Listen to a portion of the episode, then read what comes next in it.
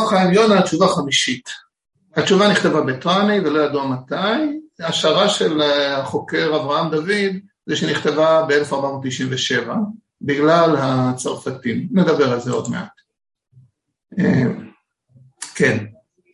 תשובת שאלה למורנו הרב חיים יונה. ראשון נשאלתי ונדרשתי, לאשר שאלוני להשיב שואלי דבר. כי שמעתי דיבת רבים אומרים, האישה הזאת עגונה, כל ימי חייה תשב אלמנה, יתומה, אין לה אב ואם, יחידה ושוממה. על אודות כל בעלמה, תהיה לבוז העלמה. כלומר, פה יש משחק לשוני, כל בעלמה, כלומר זה איזשהו סתם קול שהתפרסם באוויר, אבל העלמה תהיה לבוז, כלומר היא תישאר במצב שהיא לא יכולה להתחתן. לכן אמרתי, תורת השם תמימה ודרכיה דרכי נועם ולמה ועלמה, תהיה אישה זו אסורה לעלמה. כן. אמרתי לרעיונה אל משמרתי אעמודה, התייצבה במצור לאכול לחם צר ומים לחץ אשתה, עד אראה מה ידבר השם בי ומה ישיב על תוכחתי. אז בינותי בספרים, והינם מאירים כספירים, דרכי השם ישרים, אין בהם נפתל ועיקש, ועיקש דרכים ייפול, והולך בדרך תמים הוא ישכון במרומים. במרוממים, ולא יבעטו אימים, בואו נראה אם זה במרוממים או במרומים. כי ישרים דרכי השם, כמו שאמר הנביא, מחכם ויבן אלה נבון וידעם, כי ישרים דרכי השם וצדיקים ילכו בם, ורשעים ייכשלו בם. זה פתיחה שירית לתשובה, שכבר מתוך הפתיחה אפשר להבין שמדובר על אישה שחושבים שהיא אסורה לעולם, בגלל איזשהו קול בעלמא, ולכן מבררים האם באמת אסור לה להתחתן או מותר לה להתחתן. כמובן בתוך התשובה נברר מה בדיוק הקול, למה חושבים שהיא אסורה, מה הסיפור שקרה. פה אפשר לראות שבאמת כתוב, הוא ישכון במרוממים, ולא יבעטו אימים. בסדר, אז נחזור לתשובה. ויהי בימים ההם, זה שנתיים ימים, באו אנשים עיוורים, אשר נשתמדו בנפולי בבוא מלך צרפת. איש וביתו באו הנה, טראני. כלומר, הם בעצם בנפולי השתמדו, כלומר בנפולי הם התנצרו, והם עברו לטראני. אם נראה פה את המפה, אז uh, הם היו בנפולי, והם עברו לטראני. בעצם המשפחה בנפולי לא יכלה להישאר יהודייה, והיא עזבה את נפולי כדי לחיות חיים יהודים בטראני. וזה שמו אשר יקראו שבתאי דמנשי. אה, וכמו שאומרת אה, פה נדיה, זה שם סיציליאני, וזה מחוז ידוע. אה, בשם אחר סן מרקו דה אלונזיו, גם שמות בני המשפחה האחרים, טוויל ואתון הם סיציליאנים. כלומר, זה בעצם משפחה שבאה מסיציליה והגיעה לנפולי ושם הם השתמדו. אוקיי. ושם בנו אליה, ושם שני חתניו לוקחי בנותיו, שם האחד משה טוויל ושם האחר מנחם עטון. וישבו בטרני ימים במספר, מחזיקים בדת היהודית, בדת היהודים כאשר בתחילה. כלומר, בטרני הם חזרו להתנהג כמו יהודים. כי לא נודע לגויים אשר סביבותינו כי המירו דתם ויחזיקו בתורתם. המילה פה סביבותינו, זה היה נשמע יותר כמו צריך להיות סביבותם, אז בואו נראה רגע מה הנוסח בתשובה. כן, סביבותינו. אוקיי, אז אם נראה פה את התמונה, אז יש פה את שבתאי דמנשי, שהוא אב המשפחה, ויש לו שלושה ילדים, אליה ושתי בנות. ושתי הבנות נשואות לשני חתנים, מנחם אתון ומשה טוויל, בעצם כל החבורה הזאת, כל המשפחה הזאת, עזבה את נפולי ועברה לטראני. ולא האריכו ימים לשבת בטראני, כי נודע הדבר, וילכו לברליטה וישבו שם ימים אחדים. כלומר, הם עזבו את טראני והלכו לברליטה, וילכו להם בלבילונה, כן? זה בעצם ולונה, ראינו כבר תשובה קודמת שמתייחסת לוולונה, כי שם בברליטה פחדו פחד כי אלים אחרים בעלום. כלומר, גם בברליטה התברר שהם יהודים שהתנצרו, אבל בעצם רוצים להישאר יהודים, אבל הם לא יכולים להישאר שם כי התברר שהם עדיין רוצים להיות יהודים, ולכן הם צריכים לעזוב את ברליטה וללכת לוולונה. אחר הדברים האלה, מת אליה נזכר באלווילונה. כן, פה יש התפתחות הסיפור. ולפני מותו אמר, דעו נא וראו, כי קידשתי אישה ביטרני, בת רבי ניסים ריז, מזל טוב שמה. זה השם של המזל טוב. וקידשתיה לפני מנחם אתון ומשה טוויל, לוקחי שתי אחיותיי. וקידשתיה לפני מנחם אתון ומשה טוויל, לוקחי שתי אחיותיי, על יד רבי סעדיה ריס, על יד הכוונה שבאמצעות, הוא היה שליח, שקראו לו רבי סעדיה ריס בן דודה, הוא היה בן דוד שלה, כי היה שלוחי לקדשה. אז בואו נראה את הדבר הזה. אז אליה בעצם מספר שהוא קידש את מזל טוב כשהם עוד היו בטראני, לפני שהם המשיכו לברוח הלאה. אה, היא הבת של רבי ניסים ריס, וביניהם נקשר קשר זוגי. עכשיו, הוא קידש אותה באמצעות שליח שקראו לו סעדיה ריס, שהוא בן הדוד שלה, והוא היה שליח הקידושים, והעדים היו שני אלו, מנחם ומשה, שהם בעצם קרובי משפחה, הם הגיסים שלו.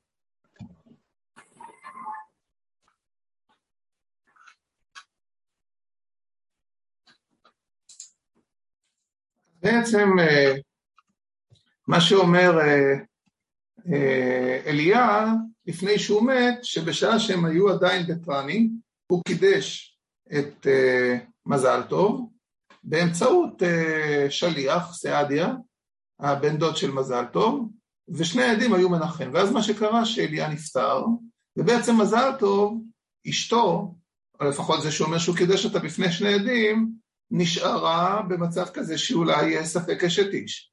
אז אה, אנחנו פה חוזרים לתשובה. גם בעיר הזאת יצאה, יצאת כל עברה, כי מזל טוב הנזכרת נתקדשה לאליה נזכר בהיחווה. כלומר, גם בעיר הזאתי כלומר, זה ידוע לפני אנשים שאכן היא התקדשה, כי קידשה לפני קרוביו. כי מהסכמת קהילת קודש טראני הוא שאין לקדש אישה אלא בעשרה. כלומר, יש הסכמה של קהילת אה, טראני שצריך לקדש אישה דווקא במניין. ושיהיו מכלל העשרה הפרנסים, וגם חזן הכנסת בקנס חרם. כלומר, מי שלא יעשה את זה, יחרימו אותו. עכשיו, במקרה שלנו, כשאליה קידש את מזל טוב, לא היו שם אה, מניין ולא הפרנסים ולא אה, הקהל או מישהו כזה, היו רק שני הגיסים שלו. והכל היה כי עבר זה האיש רבי ניסים על הסכמה זו, וקידש לביתו, לבת דודו צריך להיות, כן? לאליה הנזכר לפני העדים הנזכרים, ואין עוד איש זר איתם. כן. עכשיו, אה, רבי ניסים, רבי ניסים, זה כן, רבי, רבי ניסים זה אבא, סליחה. אז רבי ניסים קידש את הבת שלו לאליה באמצעות קרובי המשפחה, שהוא הסכים. וגם באו אנשים מלווילונה וידברו כדבר... וגם באו אנשים מלווילונה וידברו כדברים האלה אשר דיבר האיש אליה לפני מותו ואמרו כי יש לו אח בצרפת כי לקחו הצרפתים מנפולי, כאשר באו שמה ויוליכו עמם. כלומר, יש עוד אח שנמצא פה בתמונה, אז בואו נראה אותו. אז בעצם מתברר שיש כאן אה, ארבעה ילדים לשבתאי דמנשה, והאח שנלקח לצרפת אה, בשבי. אז אה, זה משלים קצת את הסיפור של המשפחה הזאת. אז יש לו אח בצרפת, לקחו הצרפתים מנפולי, כן, ובית דין חקרו על הקול הזה, וימצאו כי רבי סעדיה הנזכר, שהוא בן אחי אביה של האישה הנזכרת, כלומר, השליח של הקידושים, אם נחזור פה לתמונה, הסעדיה הוא בן אח של ניסים, אה, וסעדיה בעצם הוא הבן דוד של מזל, אז מה קרה איתו? אמר כי הם מתו, שאליה הנזכר, מינה הוא שליח לקדש לו למזל טוב הנזכרת. וכך נתן לו זהוב אחד לתת לה בקידושים. כלומר, בעצם הוא לא מקדש בטבעת, אלא בזהוב, דינר זהב. ומינהו שליח לפני מנחם אתון ומשה טוויל גיסי אליה. כלומר, הם הגיסים של אליה, שהוא השליח שמונה בפניהם. וכך הוא הלך עמהם וקידשה לפניהם, אין זר איתם. כלומר, לא רק שהם מינו אותו בתור שליח, אלא גם הם הלכו איתו, שני הגיסים. כי לא נמצא בשעת מינוי השליחות כי אם אליה, אשר מינה שליח לרבי סעדיה הנזכר, לפני אבי האישה, ולפני אביו, ולפני שני גיסיו. כלומר, במעמד הקידושין היו בעצם שני הגיסים, שתי האבות, החתן והכלה, היו בעצם שישה אנשים בקידושין. שכולם קוראים משפחה. וכך הלך רבי סעדיה וקידש לאישה הזאת מזל טוב לפני אביה וחמיה ושני גיסי הבעל לוקחי שתי אחיותיו. וכך נתפרסם לפני בית דין יצא הקול הזה, וכי ההעברה שיצאת היה עיקרה רבי סעדיה וזה המקום. כלומר, זה שאנשים ידעו שמזל טוב התחתנה, זה בגלל שרבי סעדיה פרסם לכולם. ושם, ושם היה הבעל שהוציאו קול שהיא מקודשת ושקידשה לפני כובע ונזכרים. כלומר, חלק מהקול, חלק מהשמועה, זה גם שהיא התקדשה לפני קרובי המשפחה. והנה אתה נשאלתי אם על כל כזה ומעשה כאשר אירע, ראוי לשרת אישה הזאת עגונה, כלומר ראוי להשאיר, כן? בואו נראה איך זה כתוב בכתב היד.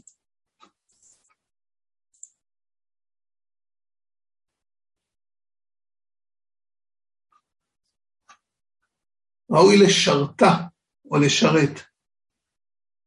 אתם רואים שיש פה נקודה על ה-ה, אז כנראה שזה מחיקה.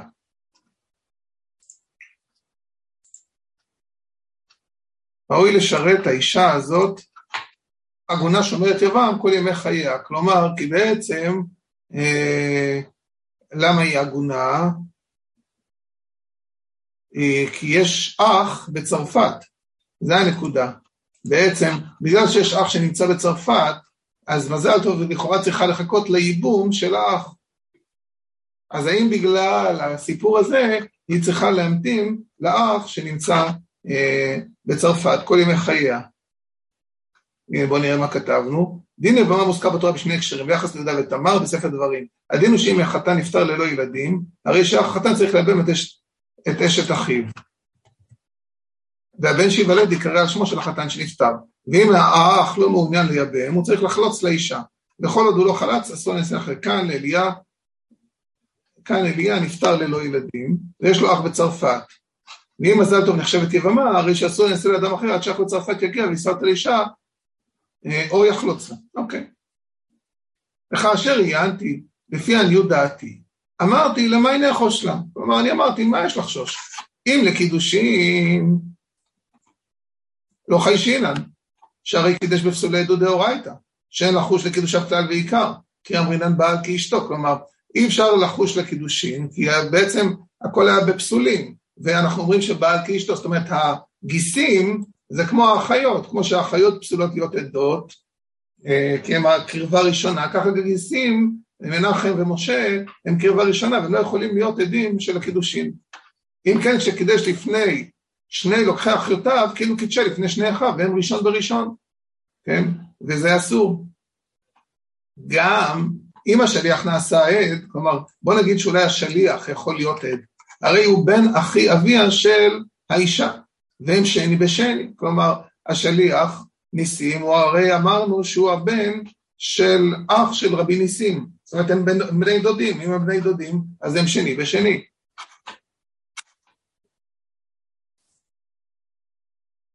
עכשיו, על אבי האישה ואבי הבעל גם כן אין לחוש. כלומר, מה עם ההורים?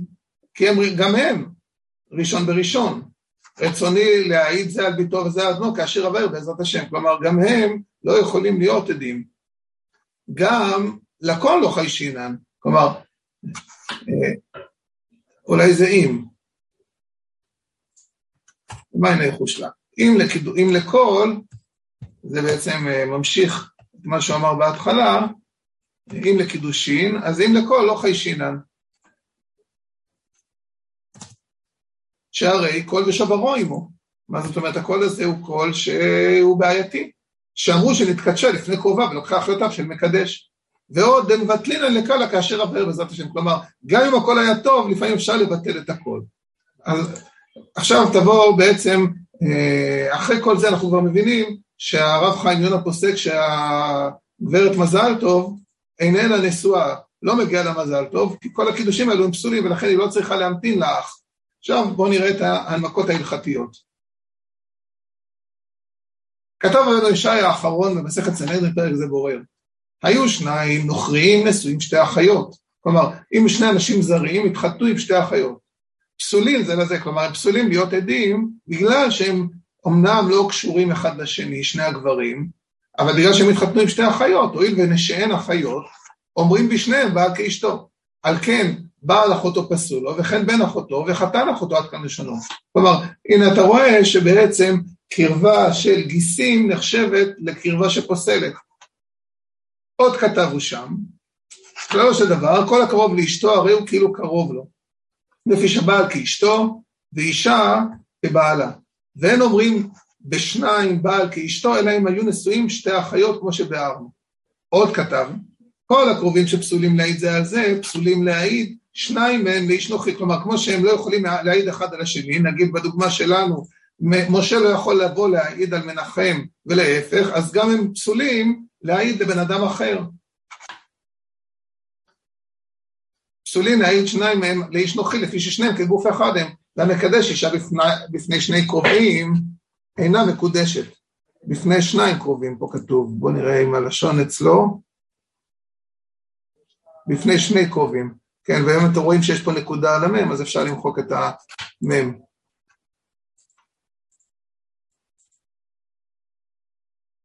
והמקדש אישה לפני שני קרובים, אינה מקודשת. הנה נתבהר בדבר רבנו ישעיה, שאין חוששים לקידושין אלו, ואפילו לא היו בעלי אחיותיו, אלא הואיל והיו נשואות שני אחיות, הקידושין שהיה לפניהם אינו כלום. כלומר, גם אם זה לא היו האחיות של אליה, אלא זה היה סתם שני גיסים שנשואים לשתי אחיות, אפילו הם לא היו קרובי משפחה, כלומר, פה הם קרובי משפחה ממש, כלומר הם האחיות שלו, אבל נגיד שאליהו בכלל זר, עדיין שניהם פסולים, בגלל שהם קרובים, בגלל שהם נשואים לשתי אחיות. בטח אם שתי האחיות הן גם אחיות של אליה, אז זה בכלל אה, מהווה בעיה. אלא הואיל והיו נשואות שתי האחיות, הקידושים שלפניהם, והיו נשואים. זה צריך להיות. בואו נראה עוד פעם, אולי פספסנו. היו נשואים שתי אחיות.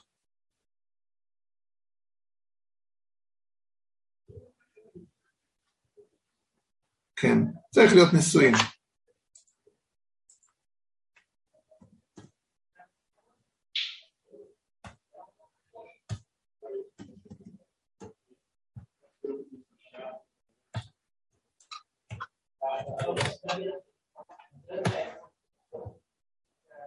אוקיי. אז הואיל והיו נשואים שתי אחיות, שני אחיות, הקידושין שהיה לפניהם אינו כלום. כלומר, וזה פוסל את הקידושים. לא כל שכן שהיו נשואים מהעדים העזקיים בדידון שלפנינו שני אחיותיו. ועל דבר הכל שיצא, כתב הוא בפרק המגרש, וכן כל שלא הוחזק בבית דין, אין שומעים לו. יצא כל על פניה שהיא נשואה ארוסה מימים רבים, אין חוששים, אלא כשאמרו נתקדשה היום, זה כעניין שבאו. זאת אומרת, אם יש איזה קול שאיזה בחורה התקדשה למישהו, זה לא מעניין אותנו, רק אומרים היא התקדשה היום. ואפילו אם יאמרו נתקדשה היום, אם לא יאמרו נתקדשה לפלוני, אין חוששים לו. עד כאן לשונו, כלומר צריך שהכל יהיה קול ברור, לא איזה שמועה שהיא התקדשה למישהו, שמועה, עזוב אותך משמועות. עוד כתבו שם, יצא קול על פנויה שנתקדשה ונתגרשה, הרי קול ושוברו עמו. כלומר, אם יצא קול שהיא גם התחתנה אבל גם התגרשה. אז זה קול, אבל שוברו עמו, זה, הקול הוא, גם שהיא התגרשה, אז בעצם היא רווקה. שהקול האוסרה הוא המתירה. אם לא יצא קול הגירושין עם קול הקידושין אלא אחר, אחר, אין קול השני מבטל קול הראשון. כלומר, אם זה יצא ביחד, היא התקדשה והתגרשה, אז היא, היא מגורשת, אין בעיה, זה קול ושוברו עמו. אבל אם יצא קול שהתקדשה, וחודש אחר כך יצא קול שהתגרשה, אז הקול השני לא מבטל את הקול הראשון. לכן אם אמרו, תנאי היו בקידושין, אין חוששים לקול הקידושים שמא מתקיים התנאי. כלומר, יש קול שהתקדשה, אבל היה שם איזשהו תנאי, אז אנחנו אומרים, בטח התנאי לא יתקיים. והוא שיצא קול התנאי עם קול הקידושים. כלומר, בתנאי הכל היה שהם יצאו ביחד. אבל אם יצא קול התנאי אחר מכאן, אינו מבטל קול הקידושים. והנה, זה הקול שיצא על האישה הזאת, לא הוחזק בבית דין. זאת אומרת, בכלל הכל פה זה לא בבית דין, שלא ראה שום אדם נרות דולקות ומיטות מוצאות ובני אדם נכנסים ויוצאים, כלומר אין קול שאנשים באים ומספרים, ראינו את החתונה, ראינו שהדליקו שם נרות והייתה תהלוכה. לא. ונשים שמחות ואומרות פלונית נתקדשה היום, שזהו קול שחוששים לו, כלומר זה לא מספיק שאומרים שמענו שהתקדשה, צריך שמענו שהתקדשה וראינו את ה... ושמענו שהיה שם אה, אוכל שעולה 100 שקל והחתן לבש טוקסידו ירוק, כן, זה, זה קול שאפשר לסמוך עליו, גם אם אתה לא היית בחתונה, אבל שמעת משהו קצת יותר עם פרטים שנותן לזה ממשות. כמו שנדבר בפרק המגרש. ועוד, הרי קול ושוברו עמו, שאמרו שנתקדשה לפני לוקחי אחיותיו. כלומר, הרי חלק מהקול זה שהתקדשה לפני הגיסים, אז זה ברור שטוב. ועוד, שלא אמרו נתקדשה היום, אלא זה קרה מתישהו. אם כן נראה בבירור מה שכתבנו לפי דעת רבנו ישעיה, שאין לחוש לקידושין נזכרים ולא לכל, ולא לכל, שום חשש. נראה לי, אה, יש פה גם, ולא לכל שום חשש, זה נראה מוזר הלשון הזאתי, שאין לחוש לקידושין נזכרים ולא לכל, כנראה ואין שום חשש. זה הכל ביחד. כתב המורדכי בסכת זנד בפרק זה בורר, אז עד כאן לפי רבנו ישעיה. זה החלק הראשון. עכשיו הוא מוסיף, כתב המרדכי בפרק זה בורר, כתוב בשערים דרב שמואל בר חופני הכהן ז"ל, פשטינא ממתניתן, כלומר אנחנו לומדים מהמשנה, שהקרובים פסולים להעיד כמה הם? שמונים. זאת אומרת, כמה אנשים פסולים להעיד יש שמונים, והם ארבע מעלות. כלומר, הם מחולקים לשלוש קטגוריות. שלוש מעלות מן התורה ואחת מדרבנן. מעלה ראשונה, עכשיו זה בעצם רשימה של 80 אנשים שפסולים להיות עדים. ראשון בראשון, כגון יצחק לישמעאל, כן, יצחק וישמעאל היו אחים, שניהם היו הבנים של אברהם אבינו, אז הם לא יכולים להעיד אחד לשני. מעלה שנייה, שני בראשון, כגון יעקב לישמעאל, כלומר יעקב הוא שני בראשון, כי הראשון זה ישמעאל, הוא הדור הראשון, ויעקב הוא הבן של יצחק, הוא דור שני, אז זה שני וראשון. מעלה שלישית, שגם זה לא טוב, כגון שני ושני. זאת אומרת, השלוש הראשונות זה פסוק מהתורה. אז מה זה שני? כגון עשיו בן יצחק לנוויות בן ישמעאל, כן? אז יצחק וישמעאל הם אחים, לישמעאל יש בן נוויות, ליצחק יש בן עשיו, אז עשיו ונוויות הם בני דודים, זה שני בשני שזה גם פסול. מעלה רביעית, ואם מדרבנן, שלישי בראשון. כלומר, זה עוד דרגה שגם שלישי בראשון פסול. מה זה אומר? כגון ראובן לישמעאל.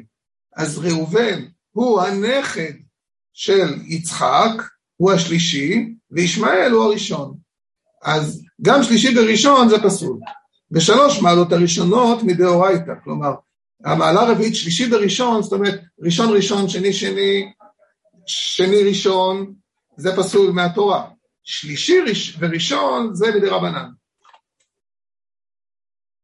ושלוש מעלות הראשונות מדאורייתא, אם אחד קידש אישה בעדות אחד מהן, אינה מקודשת ואינה צריכה גט ומותרת לעלמא, כלומר, היא מותרת, ומעלה הרביעית מדרבנן, מקודשת וצריכה גט משום ספקה, וכן פסק שכל טוב והלכות גדולות ורבנו שמחה, אבל בספר העיטור כתב כל הענה פסולי דרבנן כגון הרועים והגבאים והמוכסים, כן, יש כל מיני רשימה של פסולים, קידש אישה לפניהם, אפילו אם שניהם מודים, לא תפסק קידושים ונצחה גט. בכל דם מקדש הדת דרבנן מקדש, ואף קהינו רבנן לקידושי מיני. כלומר, אדם שמקדש אישה בפני פסולי עדות, אז כותב ספר העיטור, היא לא מקודשת. עוד כתב המרדכי, בסוף פרק האומר, אשר שאל ממני כהן צדק, מחזיק לכל אשר ימצא שם בדק, זה חרוס כמובן, על אודות הבתולה, אשר נתקדשה בפני שני עדים קרובים זה לזה. כלומר, היה מקרה שבחורה התקדשה לפני שני עדים קרובי משפחה, ולא היה שם בשעת הקידושין, אלא אותם העדים שהם קרובים זה לזה. בעניותי נראה לומר, ואין כאן בית מחוש ואינה צריכה גט. כלומר, אם היו שני עדים קרובים, לא צריך שום דבר. ואפילו המקדש ביד אחד, אין חוששים לקידושיו. וכל איכא דאי קהי לישנא אין חוששים לקידושים, לא באינן כעת כלל, בכלל צריך גט. זה כלום. אם איש קידש אישה או בלי עדים, או עם עד אחד, או עם עדים קרובי משפחה, זה לא שווה כלום. לא צריך שום דבר. בכל שכן בגדול זה, שהם קרובים זה לזה, the great fail. דאיקא למאן דאמר, אפילו מהעדים, שנמצא אחד עם קרובו פסול, עדותן בטלה. כלומר, יש אפילו משנה שאם יש מאה עדים, הכל פסול, אפילו שאם רק אחד מהם הוא קרובו פסול. אז בטח אם יש פה שני עדים ששניהם קרובים, אז בכלל בעיה. ואם משום קלא דנפיקא לה שהיא מקודשת, אבל עכשיו יש שמועה שהיא מקודשת יצא קול, לכאורה נראה דהלכתא כרב לגבי שמואל, דהלכתא כרב באיסורי, ובאתרא דרב, מבטלי לקלא, כלומר, זה שיצא קול שהיא מקודשת לא מעניין אותנו, באתר, איפה שרב היה גר, היו אומרים קול ושמועה על אישה שהתחתנה, לא מעניין אותנו. ואף על גב דרב ששת, דילכתא קבתה באיסורי אמר מפי נשים, כלומר רב ששת אמר מפי נשים, ומינא דייקינא דסבירא לא מבטלה לקלה, כלומר הגמרא לומדת שלפי רב ששת לא מבטלים סתם ככה את הכל, לא, בניגוד למה שהיה נהוג באתר של רב, ומתוך כך מסקנה דעת רבת ענינו, כלומר הגמרא אמרה, אמרה שיש סוגים שונים של מקומות, בסורה מבטלה לקלה, בנהר דעה לא מבטלה לקלה. נראה לי דרב ששת מנהר דעה בה, ונהר דעה אתרי דר שמואל אבה, ונהגו כשמואל, כלומר זה שרב ששת לא מבטל את הכל, כי זה כמו שמואל, אבל רב כן מבטל את הכל. תדע, דבפרק בני העיר אמרינן אבו עדי שמואל, אבו יתיב בבית קנישתא, דשב ויתיב בנהר דעה. עד רב ששת יתיב בבית קנישתא, דשב ויתיב בנהר דעה. עטו מלכי השרת וקם מבטל. כלומר, יש שם איזשהו סיפור, שרב ששת ישב באותו בית כנסת, איפה שאבא של שמואל היה יושב, בשף ויתיב בנהר דעה. זאת אומרת, רב ששת הוא מבית המדרש של שמואל, ולכן רב ששת לא ביטל את הכל, אבל זה לא הלכה. ולאחין להעביר ראיה מרב ששת. דוד באתרי לשמואל, כשמואל. כלומר, באתר של שמואל עשה כשמואל. תדע בפרק כמה דירובין, גבי מבוי עשוי כנדל, פריך, דאו מבוי עקום, דאבה בנהר דאה וחשול על ידי רב, אלא אמר רבא עושה צורת פתח וכולי. ומאי דחשול על ידי שמואל דאמר כחנן לבאי דלת, לא באי לשינוי משום דחשול לשמואל, לא משום דרך התקבתל, אלא משום דארנה אתו דשמואל אהבה. אינמי, זה לגבי דיני מבוי, גם רואים ששמואל גר בנהר דעה, ובנהר דעה התנהגו לפי הכללים של שמואל. הכנה, מאף על גב, רב ששת חי לשמואל באתרי, ענה לא חי שינן, כלומר למרות שרב ששת חשש לדעת שמואל, אנחנו לא חוששים כי זה שיטתו של שמואל. ועוד, דמיחש לקלה חששא דרבנני, ובשם סופרים הלך אחר המקל. כלומר, כל החשש לכל זה רק חשש מדרבנן, ובשם סופרים, בדיני סופרים, צריך ללכת לכולה. ועוד, ובירושלמי משמע שרבי יוחנן סבר לקרב, ומבטלים לקהלה, כלומר גם רבי יוחנן חושב שמבטלים את הכל. נבדק השם ונמצא מפי נשים, מפי פסולים, בטל השם. עלמא דסביר על עדן ואתה קהלה. כלומר השם כנראה זה איזושהי שמועה, ואם זה נמצא שזה מפי נשים, מפי פסולים, זה מבוטל. והלכת כרבי יוחנן אף לגבי רב שמואל. כל שכן אשתא דקימלה בשיטתי דרב, והלכת גבתי נמי בישראל לגבי שמואל. ושלום מאיר בן ברוך. עד כאן התשובה של הרב מרוטנברג. ואף על גב שהמרדכי כתב עליו, יש לחוש לקאלה, הכל הוא שהוחזק בבית דין, אבל בדידון שלפנינו לא הוחזק בבית דין. כלומר, פה בכלל בית הדין לא אמר שהגיע אליי קול והיא התקדשה. זה רק הייתה שמועה בעיר. לכן כתב מרדכי עצמו סוף פרק המגרש. האוויר שאין סופו לנוח לא קני. הכנה מאי קיימה בחצר דלאו דידה, אינה מקודשת כלל. דאוויר שאין סופו לנוח, לאו ברשות האבי. ואין עושה כלל מטעם דנפק קלה דאיקצ'ה. כלומר, שם מדובר על מישהו שזרק גט והוא עף באוויר של החצר וכנראה נחת מחוץ לחצר, ואז הכל אם היא התגרשה או לא התגרשה. אז הוא אומר, אה, או התקדשה, הוא אומר, זה שיצא קול שהתקדשה זה לא אוסר. ולקלה דמקמי נישואין חיישינא, כלומר לכל שהיה לפני הנישואין חוששים, דא כיוון דאישתכח ובואו על פי העדים דלאו כלומו, הא קיימן כסורה אתרא דרב דמבט לקלה. ולא כנהר דעתא דשמואל, דלא מבטלי קאלה.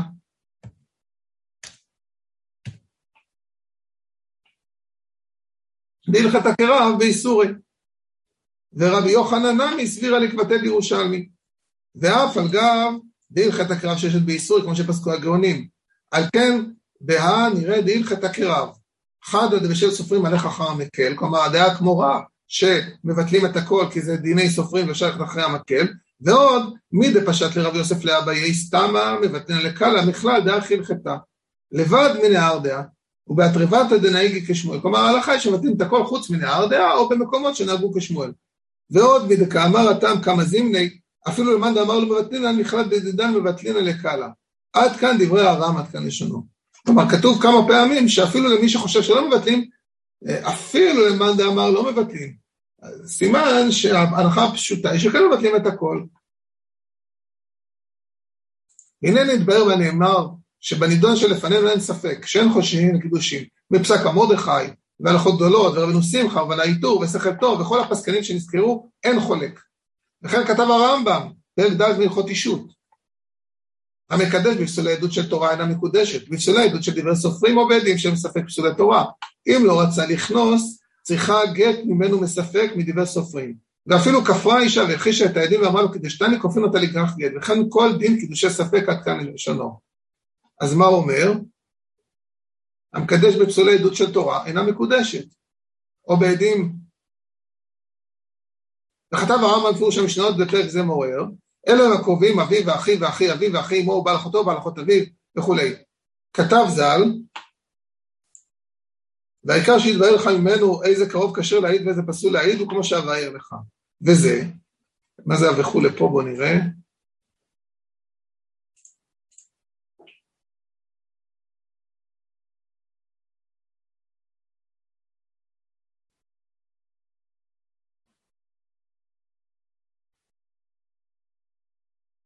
וכולי. אוקיי, יש שם נקודה פשוט.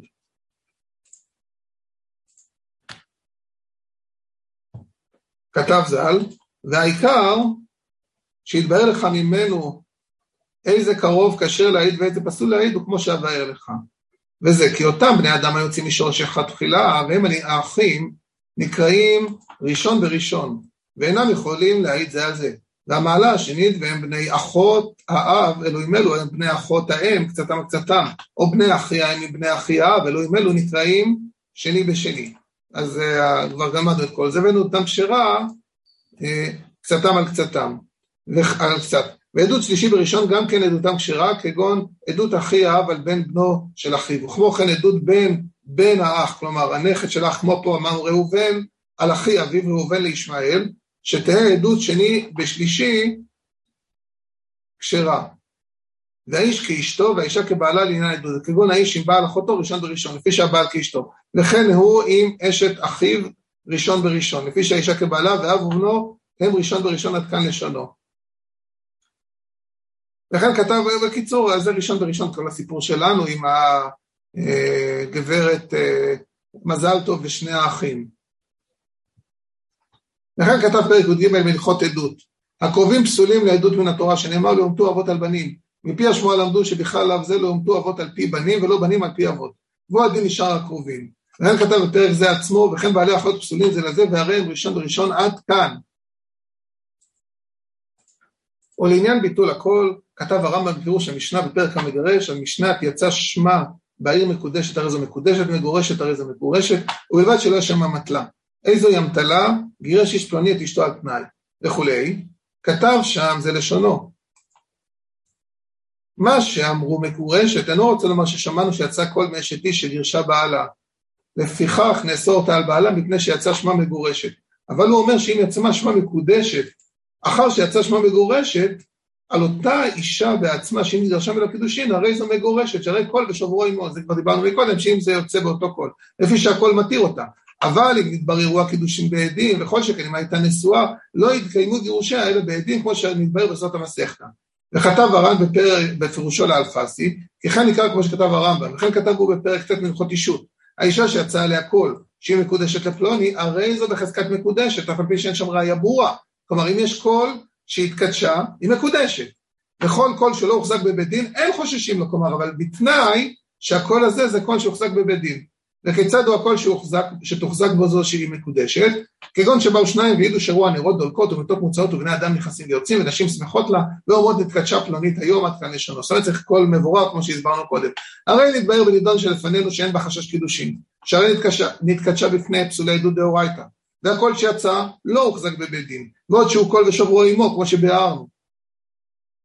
והרב משה מקוצ, מקוצי כתב כתוב בהלכות גדולות, איך דקדיש בפסולי דודי רבנן, קידושי מעליה לא אהבו עד דהדר מקדש בעדים כשרים.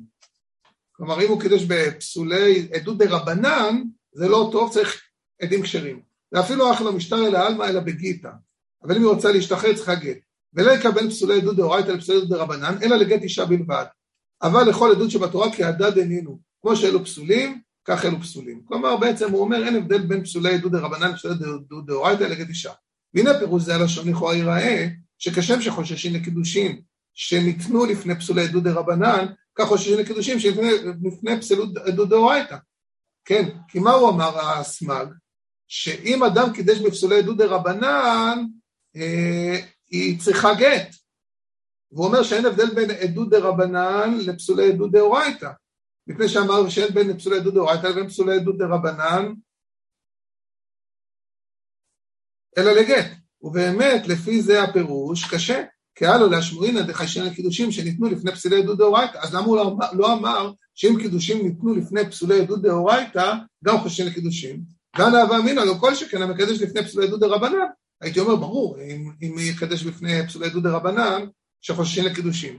ועוד, כי זה כתב הרב מקוצי בשם הלכות גדולות, והמרדכי בשם הלכות גדולות, פסק, דלא חיישינן למקדש בפני פסולי עדות דאורייתא, כמו שכתבתי, הרי כבר ראינו שהוא אומר שבכלל לא חוששים. לכן הנראה לי בפירוש הלשון הזה הוא כך. כלומר, יש פה איזה בעיה בלשון. שאין הפרש בין פסולי עדות דאורייתא לפסולי עדות דרבנן אלא לגט אישה, זאת אומרת שאם נתקדשה לפני פסולי עדות דאורייתא, אינה צריכה גט, ואם נתקדשה לפני פסולי עדות דרבנן, צריכה גט. ויהיה מסכים מה שכתב מרדכי למעלה בשם הלכות גדולות. כלומר, כדי שלא תהיה סתירה בדברי הלכות גדולות. ואם יקשה זה הפירוש, אם כן, אבל נאמר, לקה בן עדות דאורייתא פסולי עדות דרבנן אלא צריכה גט. כלומר, אה, אז למה הוא לא כתב את זה? כי מה הוא אמר? ש... ולקה במסולת דאורייתא רבנן, אלא לגט אישה בלבד. הוא אמר שייתכן שיובן הלשון כך, אין פסולי עדות דאורייתא לפסולי עדות דרבנן, אלא לגט אישה, והוא הדין לקידושין, ובקידושין הוא מאירי. כלומר, לעניין גט אישה הכוונה שזה גם לא קידושין, זה ההבדל.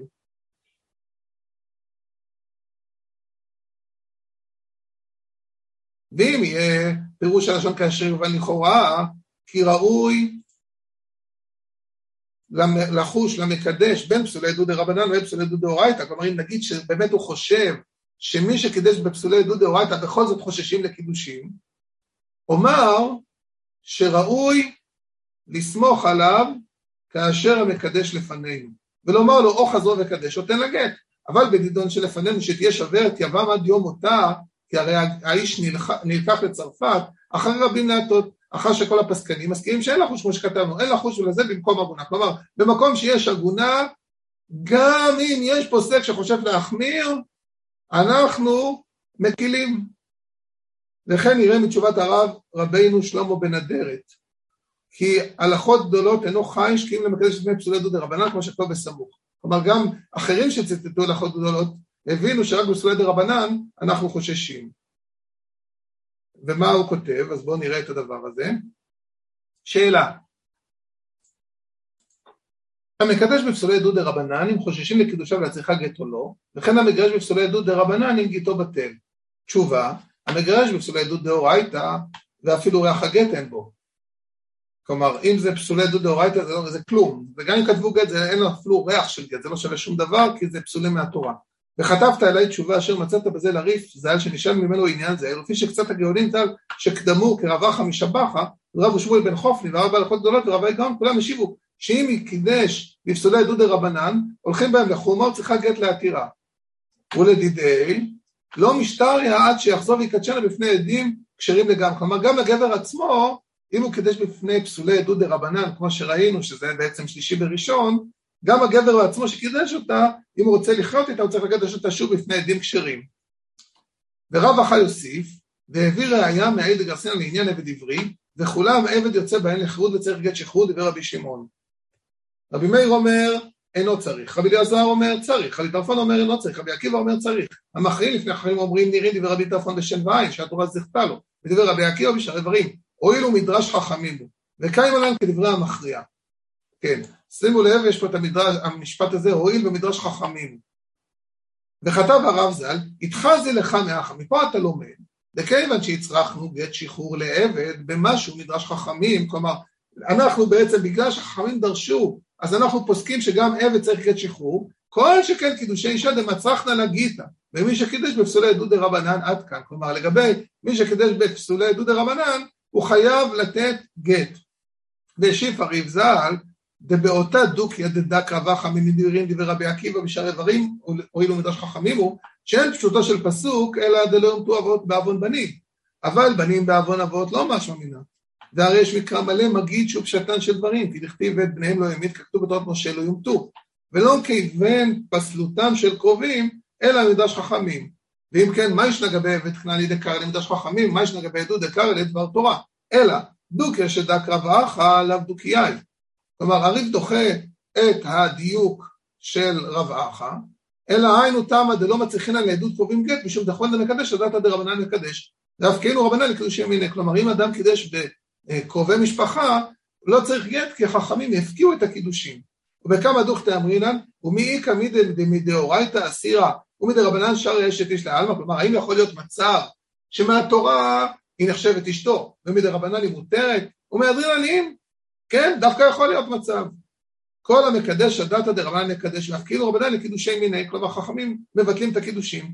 כך, לא שנה פסולי דאורייתא, לא שנה פסולי דרבנן, כגון משחק בקובי ארכה יוצא בו, כולם פסולים ולא צריכי גט. כלומר, הריף בניגוד לרב אחא, אם רב אחא טען שפסולי דרבנן צריך גט, ופסולי דאורייתא לא צריך גט, אומר הריף לא נכון, אף אחד לא צריך גט. ברגע שהבן אדם פסול לעדות, זה לא משנה אם הוא פסול מהתורה, זה לא משנה אם הוא פסול מדרבנן, לא צריך גט, החכמים יפקיעו את הקידושים. כאילו רבנן לנו קידושי ולא צריכי גט. ואילו היו פסולי עדות צריכי גט, אם היה צריך להגיד שמי שפסול בעדות אה, צריך אז גט, לא לשתמד חד תנא או חד אמורא ולאמרת, כן, היה צריך אה, שזה יהיה, מישהו בגמרא יגיד כזה דבר, זה חידוש גדול. וכי אפשר מילתא דתפיק מיני חורבא ועד לידי ממזרות ולידי איסור אשת איש, שבקל רבנן סתמה, עד דעת הרב אחא ז"ל ומפיקנה מדיוקה, כלומר, עד רב אחא לא שמענו שאם מישהו קידש אישה בפסולי דה רבנן, אז היא צריכה גט. אז uh, כנראה שהוא ממציא משהו. ויש גם סברה, זה לא רק שלא שמענו, אלא ברגע שהם פסולים, אומר הריף, אז חכמים הפקיעו את הקידושים. כלומר, הריף סבור שהמקדש בעדים פסולים, אין תוקף לקידושים בכל מקרה, בין העדים פסולים לתורה, בין הם פסולים מדרבנן. אין הבדל בדין. הריב דוחה את הוכחתו של רב אחא וסבור שלא ייתכן ללכת דורות אף עוסק מאמר שיודעים פסולים מה? כן, רק נוסיף פה, הם פסולים ואין צורך בגט משום שחכמים הפקיעו את הקידושין בגלל פסלותם של העדים. אוקיי. שאלת לעמוד על דעתי בעניין זה, כל זה מצטט הרשב"א. וכן אם המגרש בפסולי עדות דרבנן, אם חוששים לגיתו כלל לא דין אפילו רחא גט בן בו. כלומר, מי צודק, הריף או רב אחא? תשובה, כבר כתבתי ושניתי לך. המגרש בפסולי עדות דרבנן שהגט פסול ולא בטל. כלומר, הרשב"א מקבל את דבריו של רב אחא. ואמר רבנו שלמה בן הדרך העריך בתשובתו זאת לחלוק על הריף בעניין המקדש והמגרש בסולי דודי רבנן. אבל המקדש והמגרש בסולי דודי אורייתא לידי פליג. וזה לשון הרב ז"ל בסוף התשובה, ומכל מקום נידון שלפניך יסייעו להתיר בדברי הריף ז"ל. כי הוא כבר גילה דתו בפירוש שכל הקרובים ששנינו שם בין קרובים מצד האב ובין קרובים מצד האם, אף על פי שאינם מפורשים בכתוב, אלא שהביאו ממדרש חכמים, פסולים דאורייתא הם. וכל המקדש והמגרש בהם אין חוששים לקדושיו ולא לגירושיו, נראה לי שחסר פה י', ואפילו ריח הגט אין בו. כלומר, אם אה, כל הדברים האלו אה, שנלמדו בתורה או במדרש חכמים, זה בכלל שום דבר. נראה לי שחסר פה י', בואו נראה את זה. טוב, אחרי זה. בעניין הגט נראה לי יותר פשוט הדבר, זה אפילו אם תמצא לומד בקידושין, אין חודשים לקדושה, והיינו משום דכל מי שמקדש אמרו, הדת הדרבנן מקדש, והוא אמרו שיהיו קדושים מופקעים. אבל גט, מה יתלך למימר? ומי אומר בשום מקום כל המקדש הדתא דרבנן מקדש אדרבה. בואו רואה פרק כתוב בו, דאמר דתמא דאין טענת אונס בגיטין, כלומר אם מישהו נתן גט ואחרי זה אומר רגע הכריחו אותי לתת גט אין טענת אונס, היינו משום צנות ומשום פרוצות, זה הגמרא עכשיו אומרת. ומקשנן, ומי קמידא דמדאורייתא לא אבי גיטה ומשום צנות ומשום פרוצות שרינן אשת איש לעלמא? מה אתה מתיר אותה אתה אומר, אבל הוא אומר אה, הכריחו אותי, ומשנה דמקדש לשאול את הקודש ואף כן הוא רבנן קדוש מנהיג.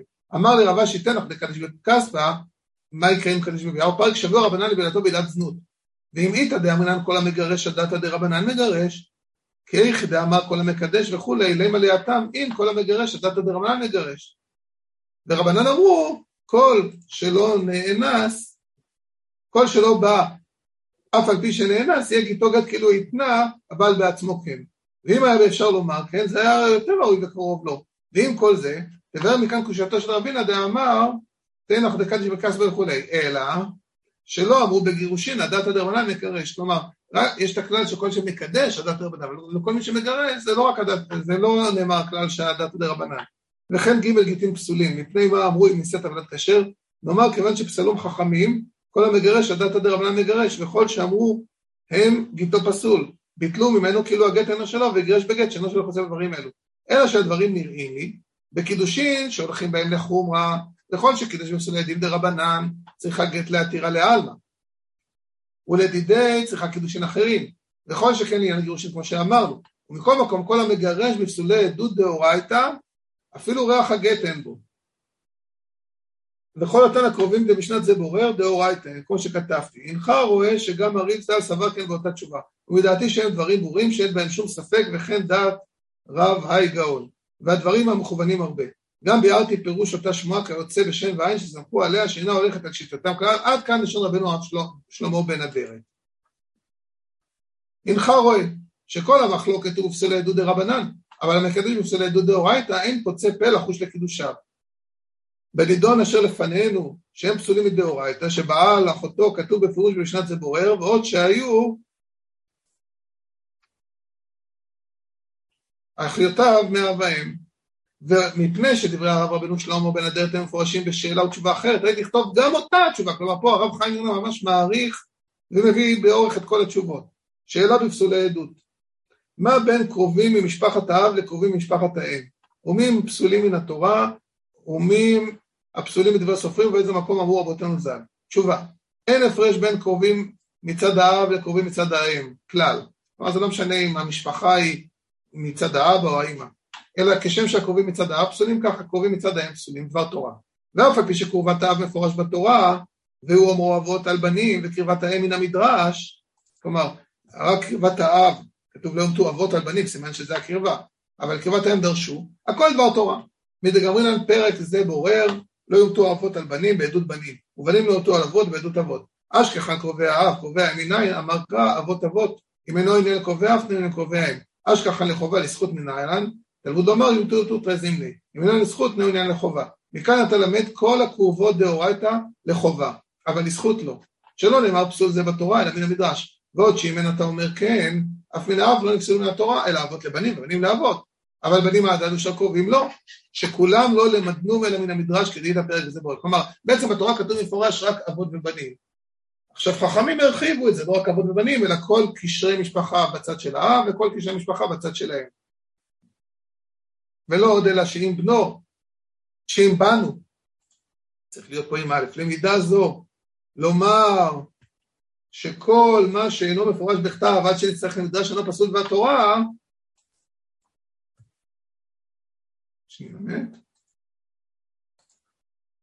אם כן, אפילו אבות לבנים ובנים לאבות כשרים לעדות דבר תורה. כלומר, אה, כי גם זה לא כתוב במפורש, ולא נמצא פסול לעדות כלל, והכל מדברי סופרים. ותדע כמשמעות הכתוב שאמר לא, אה, לא יומתו אבות על בנים, היינו שלא יומת האב ועוון הבן, ולא הבן בחטא אב, בכלל התורה לא דיברה על עדות, אלא זה רק דרשות חכמים. כל הפסולים בעצם זה דרשות חכמים, רק מה? שיש להם סמך בתורה. ובעיקר מלא דיבר הכתוב, ואת הבנים לא העמיד, כתוב בתורת משה, לא יומתו אבות על בנים. אלא מה שכתוב, לא יומתו אבות על בנים, בעוון בנים כמה, הבנים לא יומתו, בעוון אבות. אלא דפסולי עדות למדנו מן המדרש. כלומר, בעצם כל פסולי עדות, המקור שלהם זה מדרש, זה לא מפורש בתורה, פסולי עדות של קרבת משפחה. וכדאמרינן אם ללמד שלא יומתו אבות באבות מדים ובנים באבות אבות כבר נאמר איש בחטאו יומתו אלא לא יומתו אבות בעדות בנים ובנים בעדות אבות. ועוד שאין הכתוב הזה אלא בדידות נפשות. ודיני ממונות לא באו כל עיקר אלא מן המדרש. כלומר גם, גם זה מדובר על מוות לא מדובר על כסף. וכדאי שכחנתם השכחן דיני נפשות דיני ממונות מניין אמר כמה משפט אחד יהיה לכם. וכל מה שבא במידת י"ג מידות שהתורה נדרשת בהן דבר תורה הוא כאילו מפורש בכאן. והערכתי לך בדבר הזה מפני שקצת גדולי הגאונים התחבטו בדבר הזה. ומהם שהורה שהקרובים מצד האם וכל הבאים מן המדרש אינו אלא מדברי סופרים. ומי שקידש אישה בפניהם היא מקודשת, אלא שלכתחילה לא שרין עליה לידידי, אלא שיחזור ויקדשנה בפני עדים אחרים.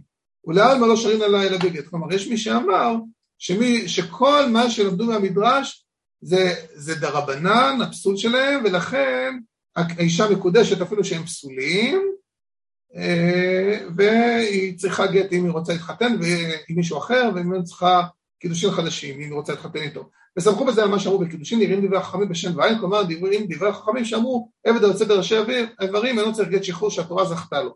מראים דבריהם שיצא בשם ועין, הואיל וכתיב בקרא, בקריה באורייתא. איך עלה לזה?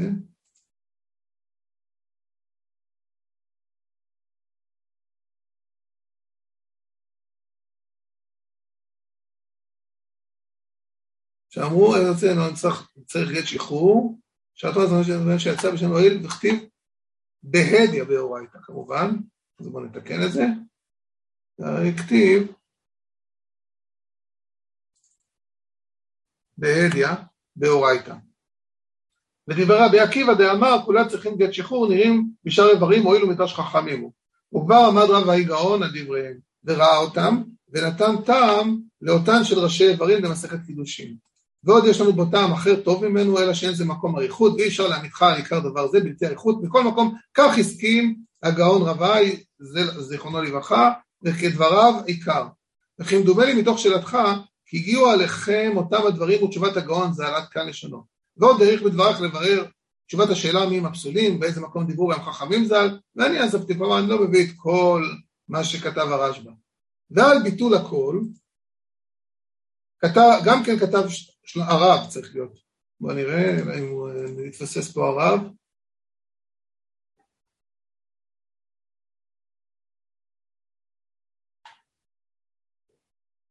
כן, מישהו מה, נראה שנפל פה הרב.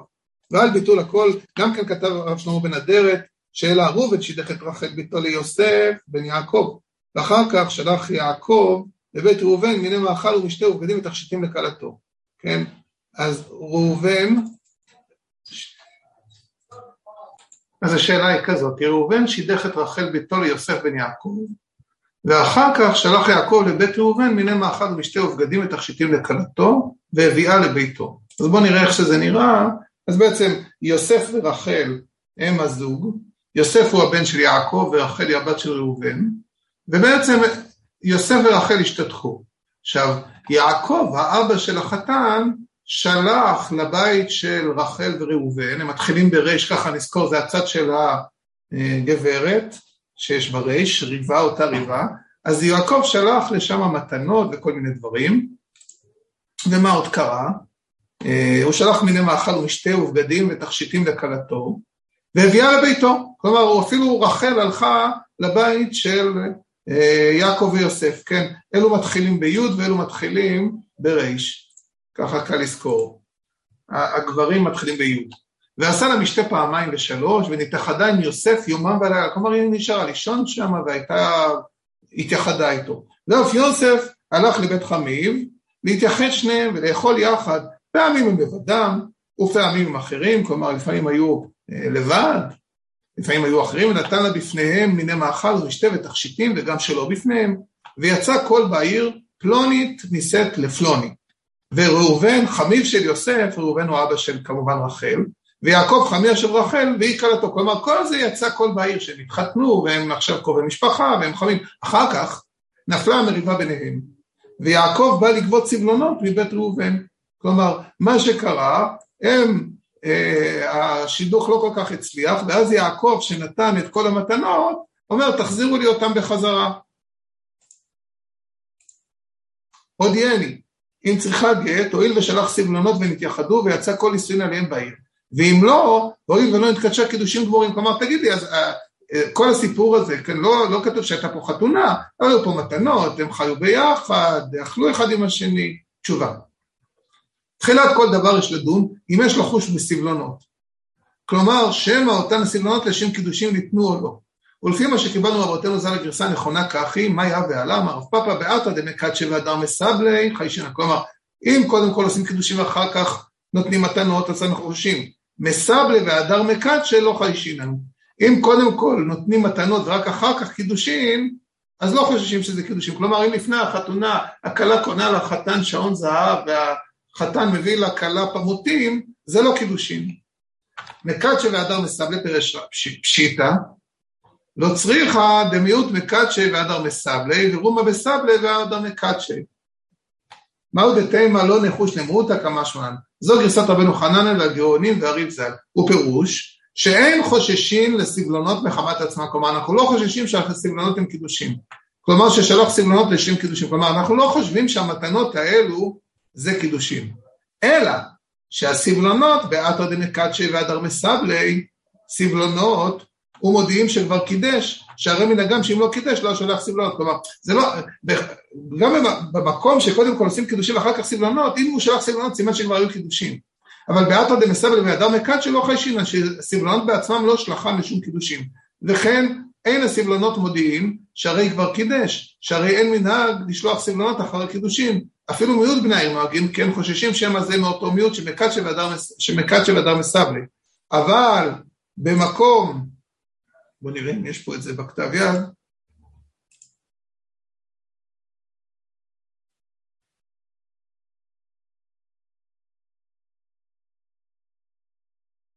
כן, כנראה שזה יוד, שמרכז שם הדר מסבלי. אבל במקום שאפילו מיעוט מן הגם לקדש ואחר כך לשלוח סבלון, אתם חושבים אפילו שלח ביד שניים, או שנתנן הוא, או שלחן לה, אפילו במעמד רבים. זהו הפנים שקיבלנו יותר נכונים באותה הלכה. ולפי זה, במקומנו אין אנו חוששים לסבלונות כלל. כלומר, אומר הרשב"א, אנחנו בכלל לא חושבים שהסבלונות האלה קידושים. ואתה צא וראה איזה מנהג יש לכם בזה. כי תלוי במנהגים שלנו. ומה שאמרת שמייחדים יומם ולילה, כלומר, הרי זה גם היה לא רק הסבלונות, אלא הם אה, היו ביחד, גם ביום ובלילה, לא ידעתי אם הכוונה לומר אם ננה עמו בביתו או שאכלה בביתו בלילה בייחוד, שאם אין הכוונה לומר אלא שאכלו ביחד ולא לנה עמו, אין כאן חשש, אם סתם אכלו ביחד, נו. אבל אם לנה עמו ונתייחדה בלילה בפני עדים, כיוון דגייסי הדדה יש קצת חשש קצת. כלומר, יש חשש. ועם כל זה, כל שלא ראו, ראו הוא, צריך להיות. ועם כל זה, בואו נראה. כל שלא ראוה שנבהלה, כל שלא ראוה, אוקיי, שנבהלה, אין חוששים לקידושין, שלא כל המתייחד עם האישה בועל, ואם תמצא לומר שבעל לא נתכוון אלא לזנות, כלומר זה שהוא היה איתה, זה לא, הוא לא התכוון להתקדש, גם אם הוא בעל אותה, זה זנות. שלא אמרו אלא באשתו שנתגרשה מן הנישואין, כלומר אם סתם מישהו שכב עם אישה, היא לא הופכת להיות אשתו, רק אם היא הייתה גרושתו. כמו שכתוב במילה זנות, אה, לא נחשבת. אם כן, אף למאן דאמר, דאמר בשנתגרשה מן האירוסים, ואם כן, באישה שקידשה בפחות משווה פרוטה או קידשה קידושי טעות, שכבר יש ביניהם עסק קידושים, אבל באישה בעלמא, שאינה אפילו ארוסה לו, ואפילו ראו שנבהלה, כפי מה שכתב הרמב"ם, כפי מה שכתב הרמב"ם, שבעצם זה לא נחשב לקידושין, אלא שקצת הגאונים חלוקים בדברי הגאונים, כמו שכתב הוא בעצמו, כלומר יש מחלוקת בתוך הגאונים, האם אה, אדם עושה בילתו בילת זנות או לא, וגם הרעב"ד ז"ל מודל הגאונים בהשגותיו, ולי נראה כדברי הרמב"ם במזל, שאם לא כן, כלומר בעצם, אה, בוא נראה, הנה לשון הרמב"ם, אה, בוא נפתח את זה, אמרו מקצת הגאונים שכל אישה שדיברה לפני עדים צריכה גט, חזקה שאין אדם עושה בילתו בילת זנות. אז הרמב"ם, ויש מישהו וכולי, וכל הדברים רחוקים בעיניו מאוד דרכי הוראה ואינו לסמוך עליהם, שלא אמרו חכמים חזקה זו אלא באשתו שגירשה בלבד או מקדש על תנאי ובעל סתם. אבל בשאר הנשים הרי כל זונה בחזקת שבאה לשם זנות עד שיברש לשם קידושים. כלומר, סתם ככה אם גבר ואישה קיימו יחסי אישות ביניהם, היא לא הופכת להיות אשתו, אלא אם כן היא גרושתו, שאז אני אומר שהוא מתכוון לקדש אותה.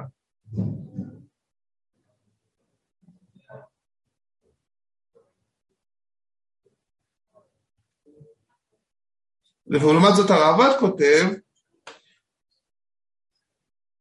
וכן בת ישראל שתיבהל בעדים אם לא היו חשודים בפריצות עריות, תעמד בני ישראל ובנות ישראל על חזקתן ובחזקת כשרותן שלא יתפרצו בפני עדים לזנות. ודברי הגאונים קיימים. זאת אומרת הרעב"ד דווקא כן חושש שיהיה פה קידושים.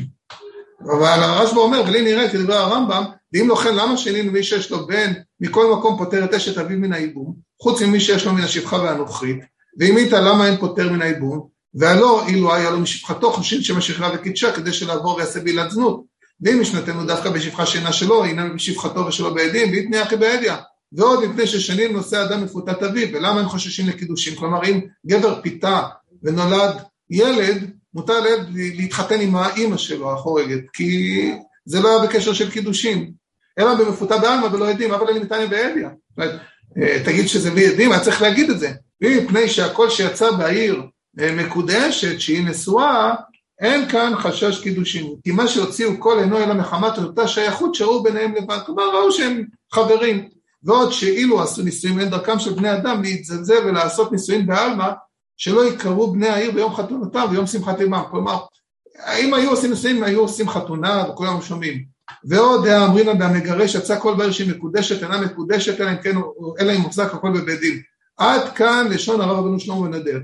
והנה כתבתי, כל התשובה הזאת בכאן, אף על פי שאינה נוגעת בעניין הנדון שלפנינו, לבאר איך מבטלים אנקלה, שהרי אין קול גדול ממה שנאמר, ובכל זה אמר חוששים לו. לא כל שכן הנידון שלפנינו שאין בו קול אלא העברה, כמו שאמר, כן, הנידון שלפנינו, אני מזכיר, זה הסיפור הזה, שהכל התחיל עם, ה... שהוא אמר שהוא קידש, והיה שם את המשפחה, על זה אנחנו מדברים. אמנם באי איתלך מבאי, אבל יש בכל זאת שאלה. מה השאלה?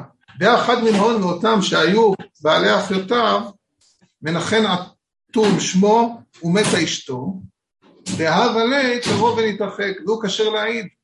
כלומר, הרי פה מנחם אתון, יש פה אשתו של מנחם, אותה הבת, האחות של אליה, בעצם מתה. אז עכשיו הוא כבר לא קרוב משפחה. אז אולי העדות שלו כן טובה, אז אולי יש עד אחד.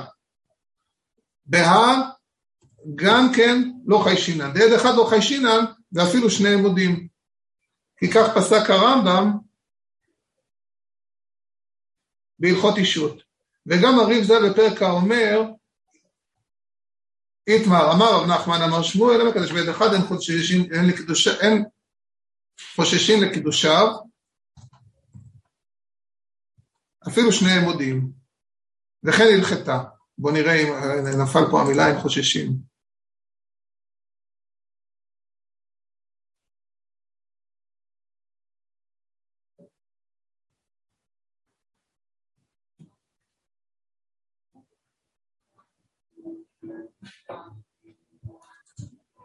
כן, אפשר לראות שהמילה אין חוששים היא באמת כתובה בתוך הגוף הטקסט וסתם היא התפספסה, הנה אפשר לראות את זה, הנה אין חוששים לקדושה פגש לימודים וכן הלכתה.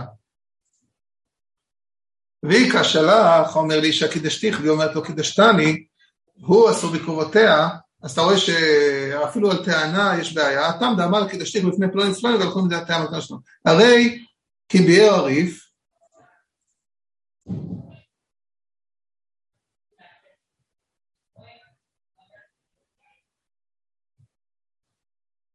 טוב, הרי כי ביאר הריף, אני לא יודע אם המילה כי היא נכונה, אולי אפשר למחוק אותה, יכול להיות שזה מחוק. איך אין חוששים לקידושים בית אחד, גם אין חוששים לדבריו לעושם. וכן מצאתי תשובה בזה העניין, כלומר פה הוא אומר שאפילו שני עמודים אה, לא חוששים לקידושיו של העד. וכן מצאתי תשובה בזה העניין, המקדש בעד אחד אין חוששים לקידושיו ולא בא יגיתה. מי דקאמר אין חוששים וכי תימן אני צריכה גט לחומה, אולי צריכה בכל זאת גט לחומה, נמצא אתה פוסטה לכהונה, ואם משום קלה דקמי נישואין, הרי מה עם הקול שלפני הנישואין, הוא קול ושוברו עמו. אבל מעיקר נפק עליה קלה דקידושים גבורים, ואחר כך נודע דלא קידשה לה בעד אחד, היא לא מבטלת, צריכה גט קרב שש, דקאי מקלטה כבתי באיסור. ואומנם רביה פסק כרב ורבי יוחנן בירושלמי דבת לקלה ושלום מאיר ברבי ברוך עד כאן. ולית דחש לה להא דמקדש בעד אחד, אלא הרע מקוצי בשם ההלכות גדולות, דאזיל לחומרה. וטוב להחמיר כדבריו. כשיש המקדש לפנינו, דאומרים לו חזור וקדש אותן לגט. אבל בנידון שלפנינו, שאם חוששים לקידושיה, תשב הגונה כל ימי חייה, כדאי הם, הרמב"ם והריב והפסקנים מסכימים עליהם, לסמוך עליהם. כלומר, אם הם פה, אז אפשר היה להחמיר לגבי המקדש בעד אחד. אבל בנידון שלפנינו, היא תשב הגונה, ולכן אה, אנחנו לא חוששים לקידושים אחד. ליבא תימא, אין חוששים לקדושה האישה הזאת, ואף על פי שהמקדש בן ידיך חוששים לקדושם, דעה העדו שהיה קרוב ונתרחק ורוכשם מצד קרובה, הנה נפסד משום פסלות אחר, והוא שחזר לשמדותו שהיה בלבילונה, וכשמתה אשתו חזר לסיציליה. אם כן הוא משומד לעבודה זרה להכריס, ואינו פסול לעדות מן התורה. כלומר, מה שקרה, שאחרי שמתה אשתו של מנחם, הוא חזר לסיציליה, וחזר להיות ולהתנהג כמו נוצר, הוא בכלל משומד, והוא עד פסול.